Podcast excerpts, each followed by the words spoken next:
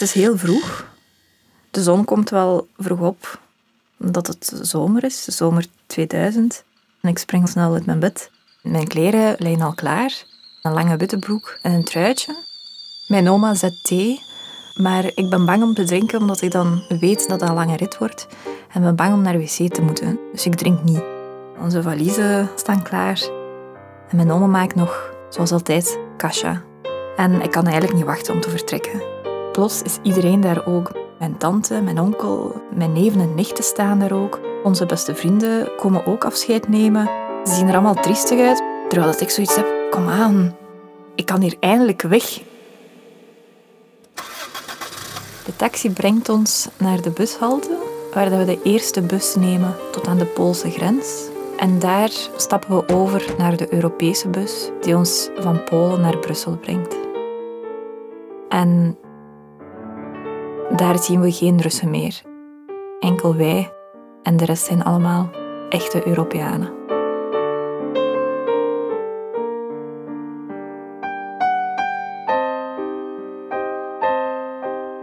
Heimat. Op zoek naar een thuis.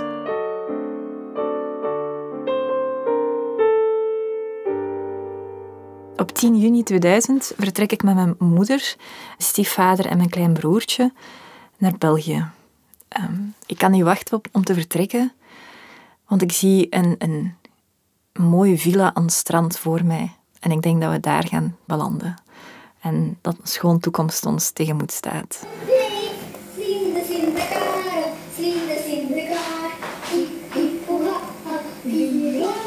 Om familie gerust te stellen, namen we alles op met onze videocamera. En uh, die cassettes stuurden we dan regelmatig op met de reisbussen naar Kaliningrad. Achteraf gezien denk ik dat het een soort van Instagram was. Uh, want uiteindelijk, als ik die cassettes weer bekijk, heb ik de indruk dat we enkel de, de mooiste momenten hebben gefilmd.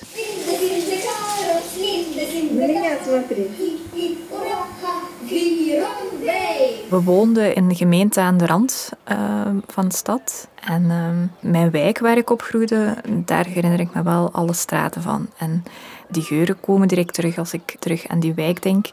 Die stemmen, als je wakker wordt in de zomer en, en je venster staat open en je hoort Russische kinderen buiten spelen. Dat is direct een, een, een, een gevoel van thuis wakker worden. En zeker als de geur van de keuken dan tot je kamer is, uh, dan dat geeft u wel volledig het gevoel van, van thuis zijn. Ehm, ik deelde mijn kamer uh, samen met mijn oma. En um, ik herinner me dat er zo heel donkere gordijnen hingen. Dat we ook een dik tapijt in onze kamer hadden liggen. En die lag ook constant onder stof. Maar zo, die, die stoffige kamer zorgde ook voor een bepaalde gezelligheid. Als het dan zo gekuist werd en te proper was, verloor ik die gezelligheid of zo op een of andere manier. We hadden ook een heel lang balkon, een lang terras. En uh, we keken uit op een ander appartementsblok, zoals de meeste Russische uh, wijken in die tijd. En middenin was er een speeltuin. Er was ook heel veel groen, maar eigenlijk die straten leken allemaal op elkaar. En iets verderop was er eigenlijk een bos en achter het bos was er ook een kerkhof. Nee, eigenlijk geen kerkhof, een begraafplaats, want er was geen kerk. En uh, als kind was ik altijd wel bang van dat bos, want uh, er gingen altijd verhalen rond dat er daar geesten rondlopen vanuit de begraafplaats. Om het Rusland van de jaren 90 en 2000 beter te begrijpen, geeft Ruslandkenner Jan Baljau wat context. Kaliningrad was Duits gebied, maar natuurlijk ja, na de Tweede Wereldoorlog is die enclave ontstaan. Nu, dat, dat was geen, toen geen enclave, omdat Kaliningrad deel uitmaakte van van de Sovjet-Unie. Ehm, dus er waren geen grenzen. Je kon vanuit Kaliningrad zonder problemen naar Sint-Petersburg reizen door de Baltische republieken of naar Odessa door Oekraïne, Wit-Rusland. Maakte allemaal niet uit. Na de val van de Sovjet-Unie werd de situatie natuurlijk anders, omdat toen werd uh, Kaliningrad omringd door onafhankelijke landen, wat het voor hen uh, moeilijker maakte. Maar intussen was natuurlijk die Duitse bevolking, die oorspronkelijke Duitse bevolking, al lang uh, verplicht geëmigreerd en vervangen door een Russische bevolking. Omdat Kaliningrad ook een, uh, een, belangrijke strategische waarde heeft. Het werd uitgebouwd tot de basis van de Baltische zeevloot. En er dus ook heel veel militairen naar Kaliningrad gingen om, ehm, om daar actief te zijn. Trouwens, de, regio was uh, lange tijd een gesloten gebied, dus Westerlingen kregen niet de toestemming om naar Kaliningrad te gaan. Olga, de moeder van Alia, heeft een dubbel gevoel bij Kaliningrad. Ik hield zeker van mijn stad, maar ik hield van al het Duitse daar. Iedereen woonde Duitse architectuur natuurlijk mooier, maar uh, dat was een zeer rare combinatie. Uh, niet goed renoverende Duitse oude huizen met lelijke Sovjet-Unie-periode blokken. En ik vond absoluut niet mooi. We wonen, woonden met mijn moeder. Papa is overleden, maar papa heeft niet zo slecht appartement gekregen als directeur van kipfabriek. En naast mooie bos en meer, dus mooie natuur, compenseerde lelijke huizen voor mij. We woonden met moeder, met twee kinderen en ik met mijn ex-man in twee slaapkamers. Rare huur als komen natuurlijk binnen eh, in de trap van het uh, appartement. Dus zeer rare uh, huur van de katten. Dus ik herinner altijd. Ja, Kaliningrad is misschien samen met Sint-Petersburg het meest westers georiënteerde uh, deel van Rusland. Uh, Sint-Petersburg ligt heel dicht bij Finland. Uh, Kaliningrad ligt natuurlijk heel dicht bij Polen, bij Litouwen. Toen was, ja, werd Rusland gezien als een partner, als een bondgenoot. er zat af en toe ruis op de lijn, maar door de band genomen was de verhouding met Rusland in die periode goed. Zelfs in de beginperiode van Poetin was die ook nog redelijk goed. Dus dat betekende dat die, de spanning die er nu is rond die enclave Kaliningrad, wat een beetje een soort van vooruitgeschoven militair bastion is geworden van, van Rusland in NAVO-gebied, was toen eigenlijk niet veel te merken. En er waren ook akkoorden uh, waardoor bijvoorbeeld grensverkeer heel eenvoudig werd gemaakt. Dat mensen uit Kaliningrad heel eenvoudig naar Polen konden gaan, heel eenvoudig naar Litouwen konden gaan. In Kaliningrad is Moskou heel ver weg. Misschien niet zozeer in afstand, maar als je het bekijkt op een landkaart, je moet door een ander land, je natuurlijke habitat is, is, uh, is Litouwen, is Polen. En uh, tot ben er geweest voor de, het wereldkampioenschap uh, voetbal in 2018, omdat de Belgen daar speelden. En zelfs dan zag je dat, die, uh, dat mensen die in Kaliningrad woonden enorm sterk waren gericht, vooral dan op Polen, op Gdansk, uh, heel dichtbij. En dat er heel veel grensverkeer was tussen, tussen die twee.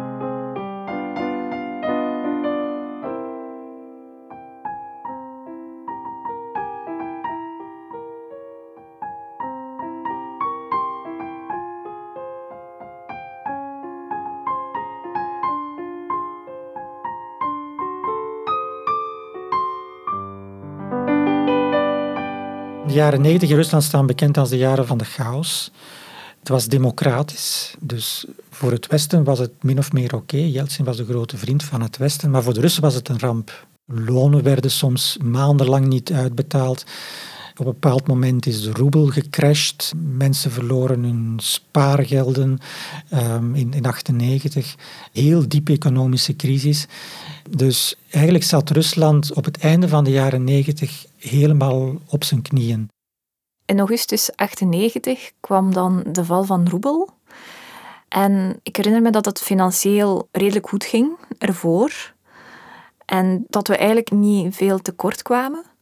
Ook omdat mijn ouders, zoals vele anderen in die tijd, hadden allemaal een, een bijjobje. Zeker diegenen die dicht bij de grens met Polen woonden, konden allerlei goederen beginnen importeren en die dan doorverkopen in Rusland voor een dubbele prijs. Dus eigenlijk was dat een goede, een goede bijjob. En met, met de val van roebel was het totaal niet meer voordelig om daar geld mee te verdienen. Dus dat was niks meer waard of konden ze dat eigenlijk niet voor een dubbel prijs verkopen. En dat was plots zeer voelbaar, want um, ja, lonen werden vaak gewoon niet uitbetaald, maanden aan een stuk. Dus plots, die bron van inkomsten was plots weg. En op dat moment denk ik dat, dat mijn mama echt in een zwart gat belandde of zo, dat ze totaal niet wist hoe dat ze verder moet overleven. volgens mij was, was dat even wel een moeilijke periode. Want ik herinner me wel dat we bijvoorbeeld veel, ehm, veel eten niet konden kopen. Dat we echt op zoek gingen naar markten waar dat je bijvoorbeeld goedkoper vlees kunt kopen of zo.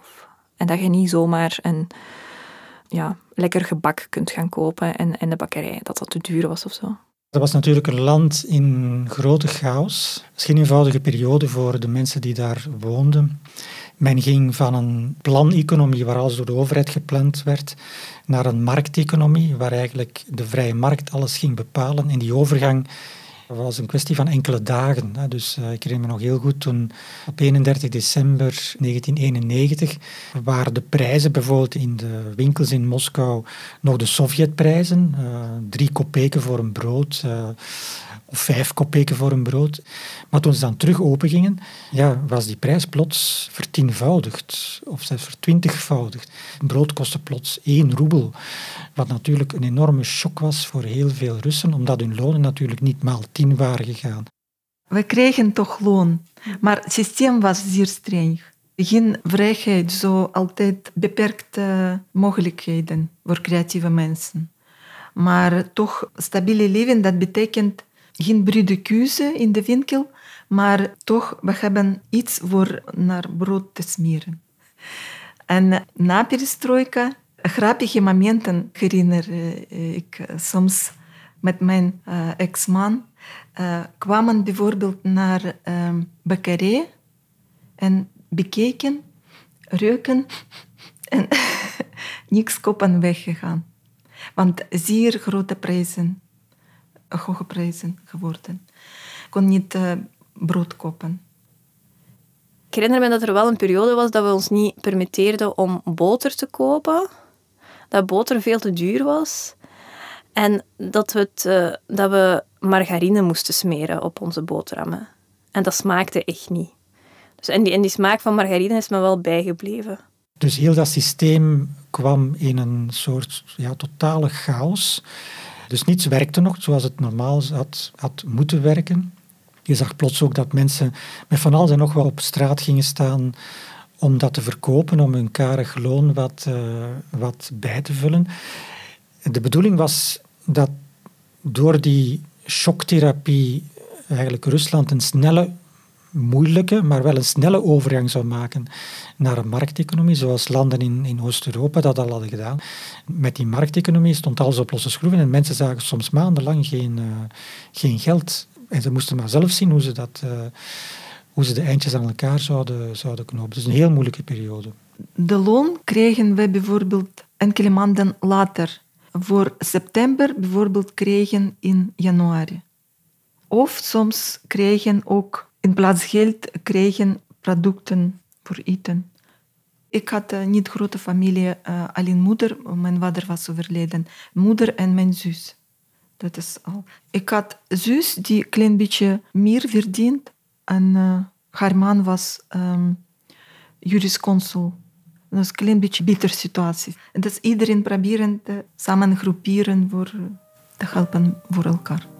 Ik herinner mij dat ik, dat ik als kind ik, ik had zo goed als geen vrije tijd. Dus ik ging naar school.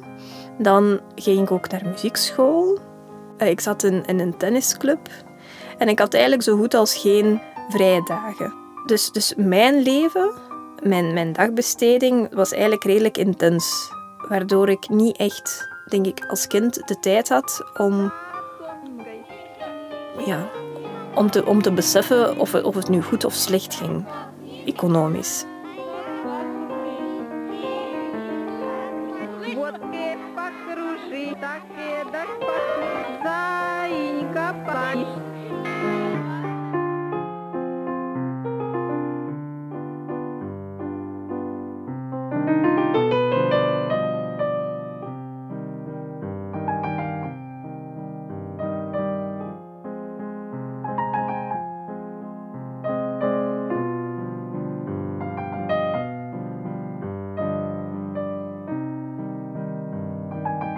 Was ook een periode dat de Russen um, hun houvast verloren. Voor hen was die communistische ideologie hoe kritisch zij daar toch tegenover waren, was toch wel een beetje een leidraad.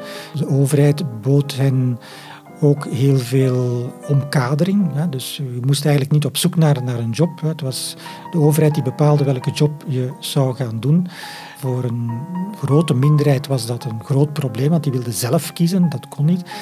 Maar voor een meerderheid was dat gemakkelijk. Je hoefde eigenlijk niet veel zelf initiatief te nemen in die Sovjet-samenleving. Gezondheidszorg was in principe vrij, openbaar vervoer was allemaal vrij, was uh, bijna uh, gratis.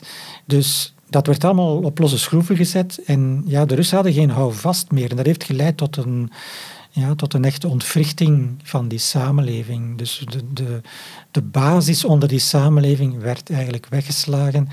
En uh, je zag toen dat de Russen uh, ja, nieuwe houvasten zochten, bijvoorbeeld in, in religie. Ja, religie was onder het communisme moeilijk, maar dus dat werd zo'n nieuwe houvast. je zag dat uh, de mensen plots enorm veel naar de kerk gingen, plots religieus. Werden ook in mijn eigen vriendenkring, tot mijn eigen verbazing, mensen die zeer ja, atheïstisch waren, die plots toch ja, het nut inzagen om te gaan bidden, om naar de kerk te gaan.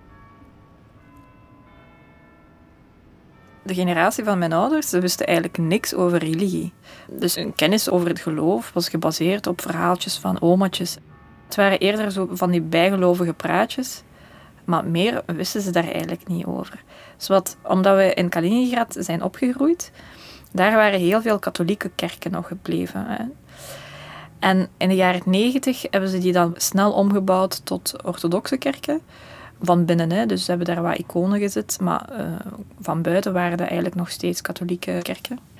En uh, mijn mama was wel in met de mode op alle vlakken. En uh, het was ook in om Jan en Alleman te dopen. Dus heeft ze besloten om mij te dopen als ik drie was. En dus mijn, mijn onkel was dan mijn Peter en de beste vriendin van mijn mama was dan mijn meter. Na lang aanschuiven op een warme dag, ik denk dat dat ook zo in de zomer was, was het eindelijk aan mij om mij in dat water te dompelen.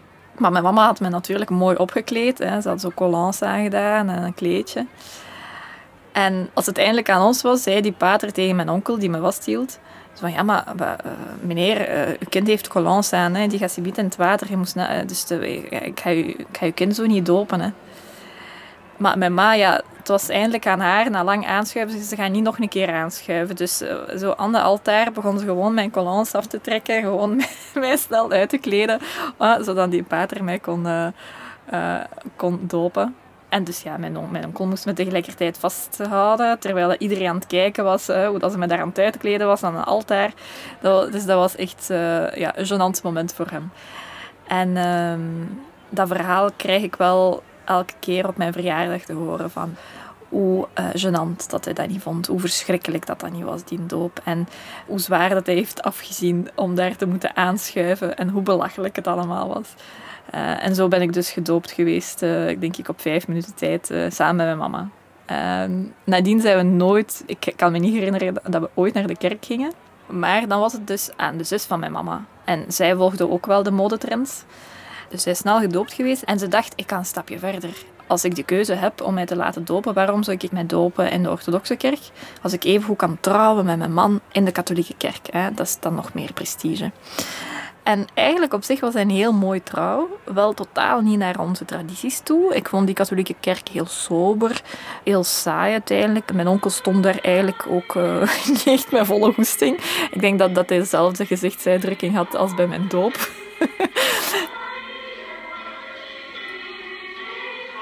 tot op dag van vandaag volgen ze wel die katholieke tradities. Maar dat was eigenlijk gewoon ja, puur eh, een keuze, een vrije keuze van, van godsdienst. Maar ze zijn in ieder geval, eh, nog mijn mama, nog, nog mijn, mijn tante, die, die zijn niet gelovig of zo. Die gingen gewoon mee met de trend.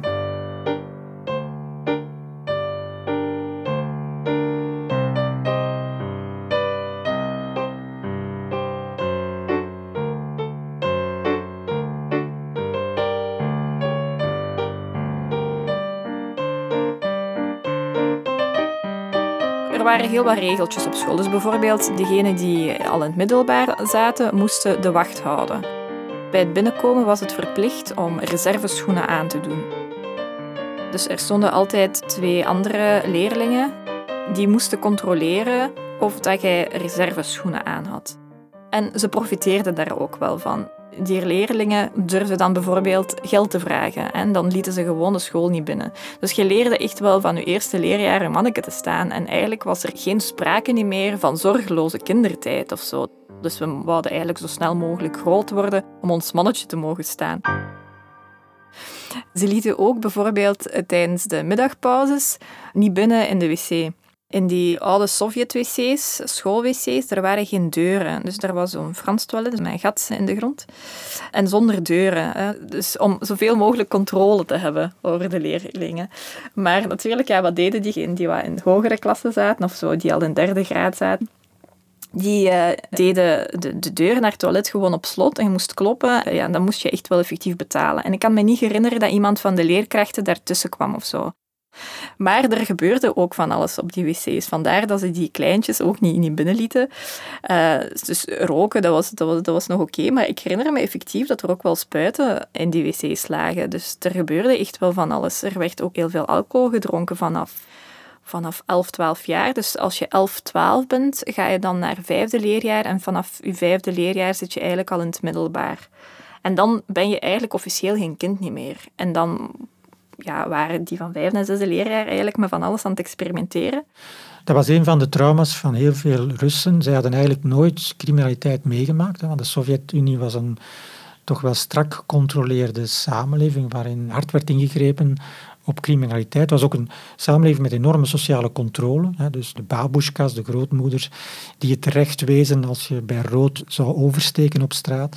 Maar dat ging dus wel verder ook. Hè. Dus iedereen rapporteerde meteen als er ergens uh, iets niet was zoals het moest zijn. Maar dus vanaf 1 januari 1992 was het ieder voor zich.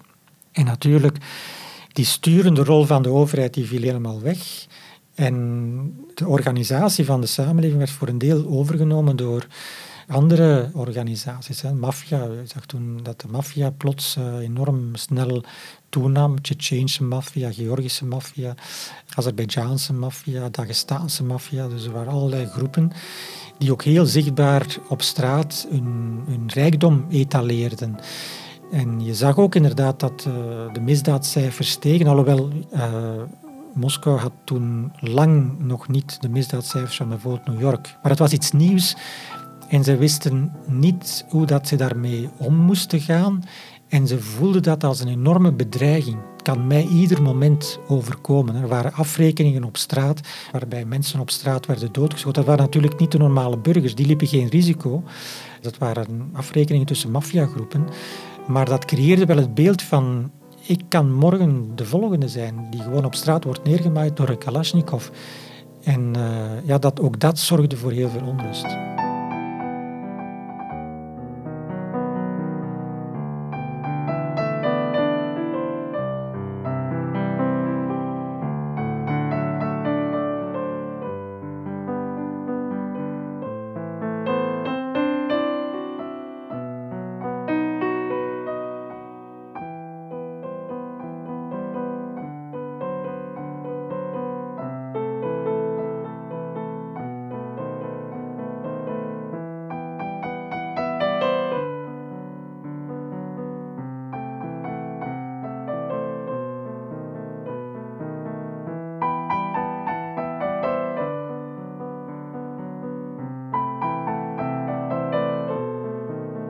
Ik uh, besefte al vroeg dat ik een roeping had voor muziek, want uh, ik begon al zevenjarige leeftijd met componeren. Maar in mijn stad Kaliningrad was geen compositieafdeling.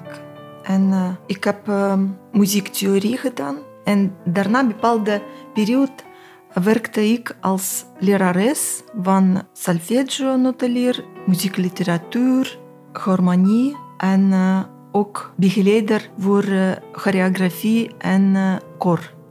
In Sovjet-Unie was moeilijk creatief vrijheid zijn. Want het systeem drukte veel en moest ik instructie volgen van onze directie.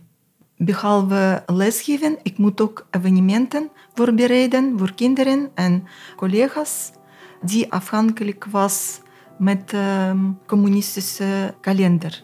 En dat was zeer streng. En ik was al enorm uh, um, bang van onze directie. Want als niet perfect gedaan, dan natuurlijk negatieve opmerkingen krijgen. Ik herinner nu en direct stress komt terug, want lange jaren geleden, maar toch stress blijft altijd, want zeer strenge uh, administratie. In de Sovjet-Unie was er heel veel aandacht voor cultuur. Dus dat was uh, belangrijk hè, om de ideeën soms naar buiten te brengen. Hè. In heel veel voorstellingen zaten ook boodschappen die het communistische systeem moesten ondersteunen. Dus het was belangrijk dat heel veel mensen naar die culturele voorstellingen te krijgen. Natuurlijk, door de invoering van de markteconomie werd alles bekeken door een kapitalistische bril. Het moest geld opbrengen. En dat was natuurlijk zeker voor die cultuursector, die, uh, ja, die eigenlijk nooit moest zich zorgen maken over zit de zaal vol, brengt het wel iets op, was er natuurlijk een enorme slag. Er was geen geld meer. Er was in, in die Russische samenleving überhaupt geen geld meer voor om het even wat. Hè. Ook niet voor defensie, uh, voor niets. Dus zeker niet voor cultuur. Dus dat maakte culturele initiatieven natuurlijk moeilijk. De enige ja, die natuurlijk nog wel wat budget had, was de overheid. En ik kan me wel voorstellen dat als die overheid dan besliste om geld te spenderen aan cultuur, dat het dan ook wel moest zijn wat zij wilden. Dat het dus een soort ja, echte bestelling was op commando. En dat is natuurlijk, ja, dat, is, dat, dat kadert ook in die, in die periode van de jaren negentig, waar eigenlijk uh, ja, alles op losse schroeven stond. Hè. In periode perestroika uh, moest ik uh, hard werken. Dat was een zeer moeilijke periode in mijn leven, want ik heb zeer weinig geld gekregen, of soms niet gekregen als loongeld. En daarom werkte ik tien of twaalf uur per dag. Want mijn man was werkloos en ik werkte alleen als muzikant. En we hadden twee kleine kinderen daarom een uh, zeer moeilijke periode was. En dacht ik natuurlijk absoluut niet over mijn creatie op dit moment. En uh, dat uh, was situatie niet alleen voor mij en dat voor iedereen was een zeer moeilijke tijd voor allemaal.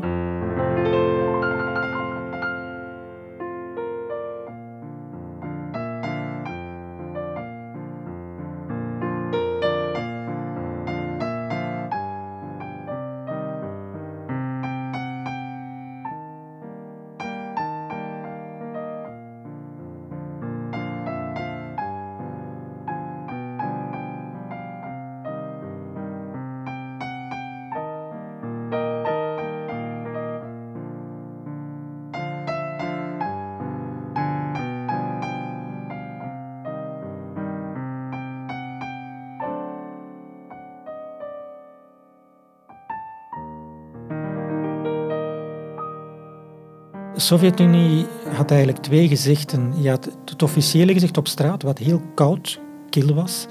Uh, mensen hard voor elkaar, tegen elkaar aanlopen, geen sorry zeggen, deuren niet voor elkaar open houden. is een beetje zo'n struggle for survival. Hè. Dus, uh, maar als je dan van die straat wegging en bij de mensen thuis kwam, merkte je dat er enorm veel warmte was achter de schermen. Uh, dat was natuurlijk ook een soort van overlevingsstrategie bij heel veel Sovjetburgers. Het systeem konden ze niet vertrouwen. Dus vertrouwden ze vooral op hun vrienden, op hun netwerken van vrienden. En ja, in de Russische psyche is een vriend iets anders dan hoe wij dat zien. Uh, voor ons is een vriend iemand ja, waar dat we graag mee omgaan maar waar we eigenlijk nooit iets van vragen, tenzij het echt niet anders kan. In Rusland waren die vriendenrelaties eigenlijk, zat daar ook een praktische kant aan. Je zette je vrienden in om de tekorten van dat Sovjet-systeem te omzeilen. Als ik puur op gevoel afga, dan heb ik daar heel warme herinneringen aan overgehouden. En het eerste waar ik dan aan denk, is toch wel mijn familie en mijn oma. En um, toch wel een soort van standvastigheid in de maatschappij. Ja, natuurlijk was ik een kind, dus je stelt je niet al te veel vragen. Dus dat heeft ook met de leeftijd te maken, dat ik in een soort van een, warm nest ben opgegroeid. En daar heeft toch wel grotendeels mijn oma voor gezorgd. Dus in het algemeen heb ik zeer warme herinneringen aan Kaliningrad. En ik was ook omringd door, door veel warme mensen. Dus met mijn nicht was ik wel heel close. Mijn nicht was twee jaar ouder dan mij. Ze woonde naast ons. In, in hetzelfde appartementsblok. En we deden heel veel samen. Ik had ook een oudere neef. Ik had een kleinere broer. Dus als ik echt terugdenk aan Kaliningrad, dan denk ik in de eerste instantie aan mijn kindertijd in een warm nest.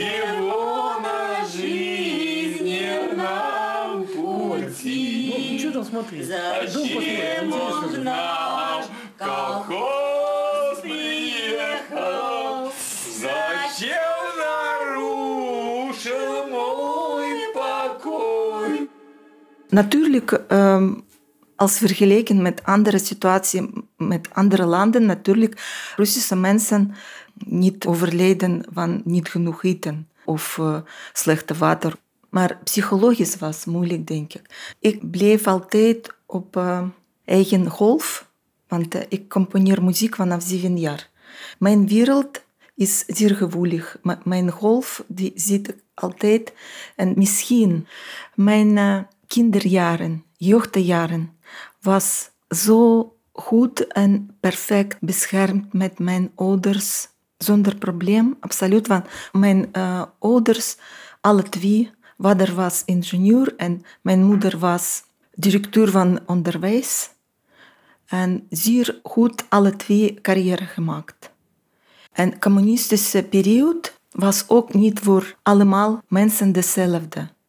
Dus mijn familie, mijn uh, gezin, sfeer was zo ideaal, met harmonie en materiale basis absoluut genoeg. En reizen en veel indruk krijgen. Altijd het uh, perfecte niveau van de leven was. Het was natuurlijk zo dat mensen die lid waren van de partij meer konden en meer mochten dan mensen die geen lid waren van de partij. Je moest daarvoor een aantal compromissen sluiten, um, maar het gaf wel meer mogelijkheden. Bijvoorbeeld voor jobs, toegang tot speciale winkels, het krijgen van een beter appartement. Dus je zag wel dat veel mensen die in dat systeem zaten, goed werden omringd, goed werden ingekapseld, om hen natuurlijk ja, in dat systeem te houden. Hè, want de communistische partij had dat natuurlijk nodig. En natuurlijk, op het moment dat dat communisme het onderspit delft, worden zij een beetje de paria's van de samenleving. Want zij hebben jarenlang geprofiteerd van een systeem dat dus door de Sovjetburgers op dat moment massaal aan de kant wordt geschoven en waarvan men zegt van dat is het laatste dat we willen. We willen nu meteen het eh, kapitalisme, de vrije markt van het Westen. Dus voor die mensen is dat een zeer moeilijke situatie geweest. Persoonlijk, maar natuurlijk ook ideologisch, omdat zij, een aantal van hen waren echt wel mee met het idee dat de Sovjet-Unie op weg was naar de heilstaat. En zij zij sloten hun ogen voor alles wat er misging. En plots werden ze natuurlijk geconfronteerd met die, met die harde realiteit. Natuurlijk ja, luisterde ik naar, naar de gesprekken van mijn mama en mijn oma. En enerzijds waren er gesprekken van mijn oma als het ging over politiek. En toch wel een duidelijke bezorgdheid als het ging over over Yeltsin. Dus echt ongenoegen en, en ongeloof, dat het pure chaos is. En zij discussieerde vaak met mijn onkel over politiek. Dus ik besefte wel dat de zaken precies slechter gaan dan in de Sovjet-Unie. En natuurlijk, ja, mijn, mijn familie, vooral mijn oma, ze, stelden het wel goed in, in, de Sovjet-tijden. Dus er was heel veel kritiek en, uh, en schrik voor wat er komen zal. Dus die gesprekken herinner ik me heel goed. Anderzijds mijn mama, die enorm haar best deed om verschillende jobs aan te nemen. En ze werkte ook wel heel hard. Ze, ze werkte veel in verschillende scholen, waardoor ik haar heel weinig zag. Ik denk uh, na perestroika ook niet te veel veranderd in Rusland. Maar het uh, regime van de Sovjet-Unie misschien andere vorm gekregen. Maar alle creatieve mensen voelen dat zeer goed binnen binnen voelen. Maar zeer moeilijk te uitleggen, deze. Dat is enorm verschrikkelijk. Dat uh, systeem is kapot en nieuw systeem absoluut niet stabiel. Dus alle aspecten was voor iedereen zeer moeilijk. Perestroika, dat betekent veranderd. Maar tot nu in Rusland nog niet veranderd. Dus dat is een zeer moeilijk proces. En niet voor iedereen past. Bijvoorbeeld nieuw leven in uh, Rusland met perestroika. Voor sommige mensen denken, ah ja, dat is nieuw leven in mijn land. maar ik, ik voel anders.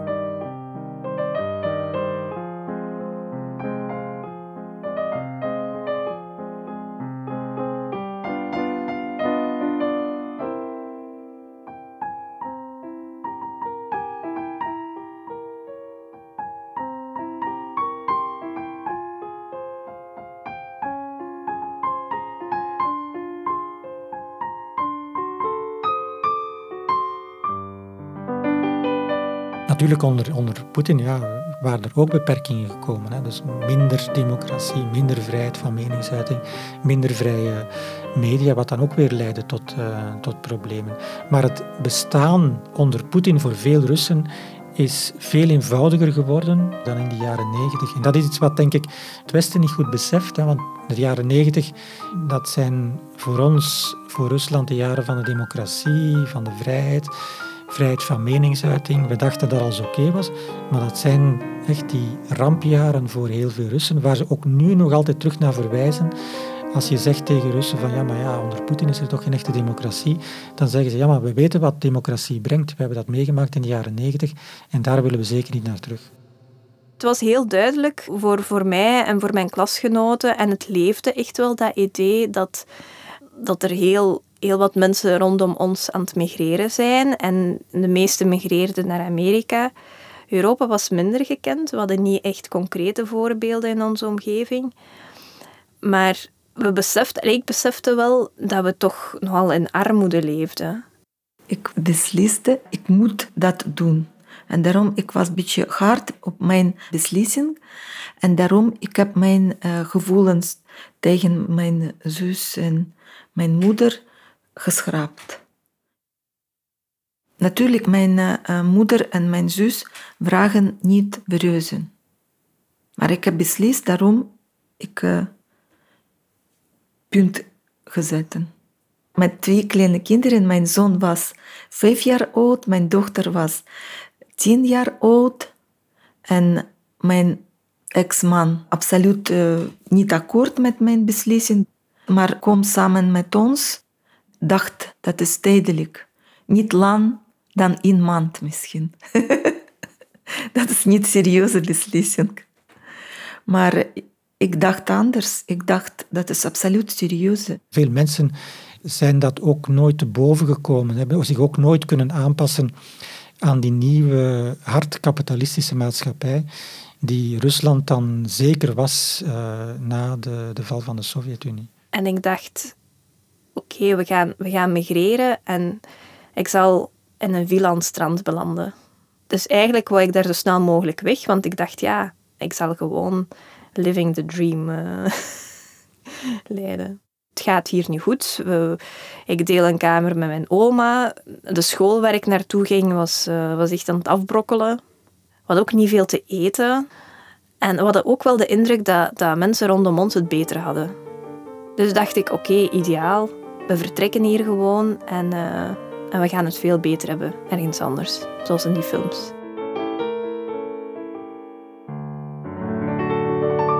Onze valiezen staan klaar en ik kan eigenlijk niet wachten om te vertrekken. We gaan naar beneden en plots is iedereen daar ook, dus niet enkel mijn oma, maar ook mijn tante, mijn onkel, mijn neven en nichten staan daar ook. Ook onze beste vrienden komen ook afscheid nemen ja, ze zien er allemaal triestig uit. Mijn nichtje, met wie ik heel close ben, is aan het wenen. Terwijl ik zo blij ben van, van diep van binnen. En ik snap niet waarom dat zij daar zo triestig van lopen. En waarom dat zij zo zenuwachtig zijn in ons plaats. Terwijl ik zoiets heb, kom aan. Ik kan niet wachten om hier weg te gaan.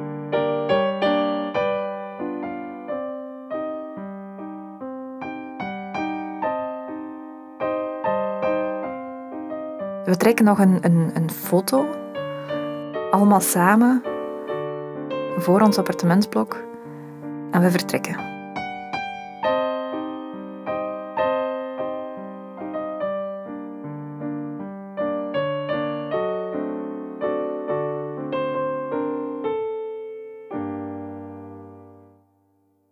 Ik denk dat op dat moment uh, heel veel mensen weg wilden. Uh, een van de grote frustraties van heel veel Russen is dat wij altijd tegen hen tijdens de Sovjetperiode hebben gezegd van een van jullie grootste problemen is dat jullie niet vrij kunnen reizen naar bijvoorbeeld het Westen.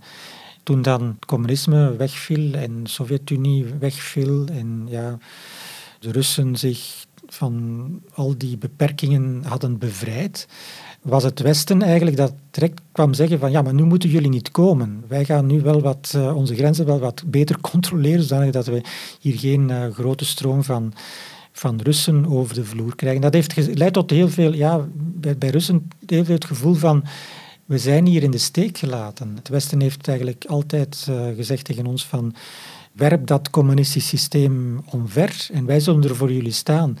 En toen ze het dan deden, bleek dat het Westen er eigenlijk niet voor hen stond. Ik ging mijn droom na. Ik dacht, uh, we gaan gewoon in een van die films belanden.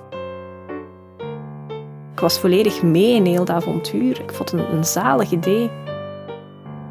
Maar ik denk dat ik het ook niet helemaal besefte op, op dit moment, wat, wat we eigenlijk aan het doen waren.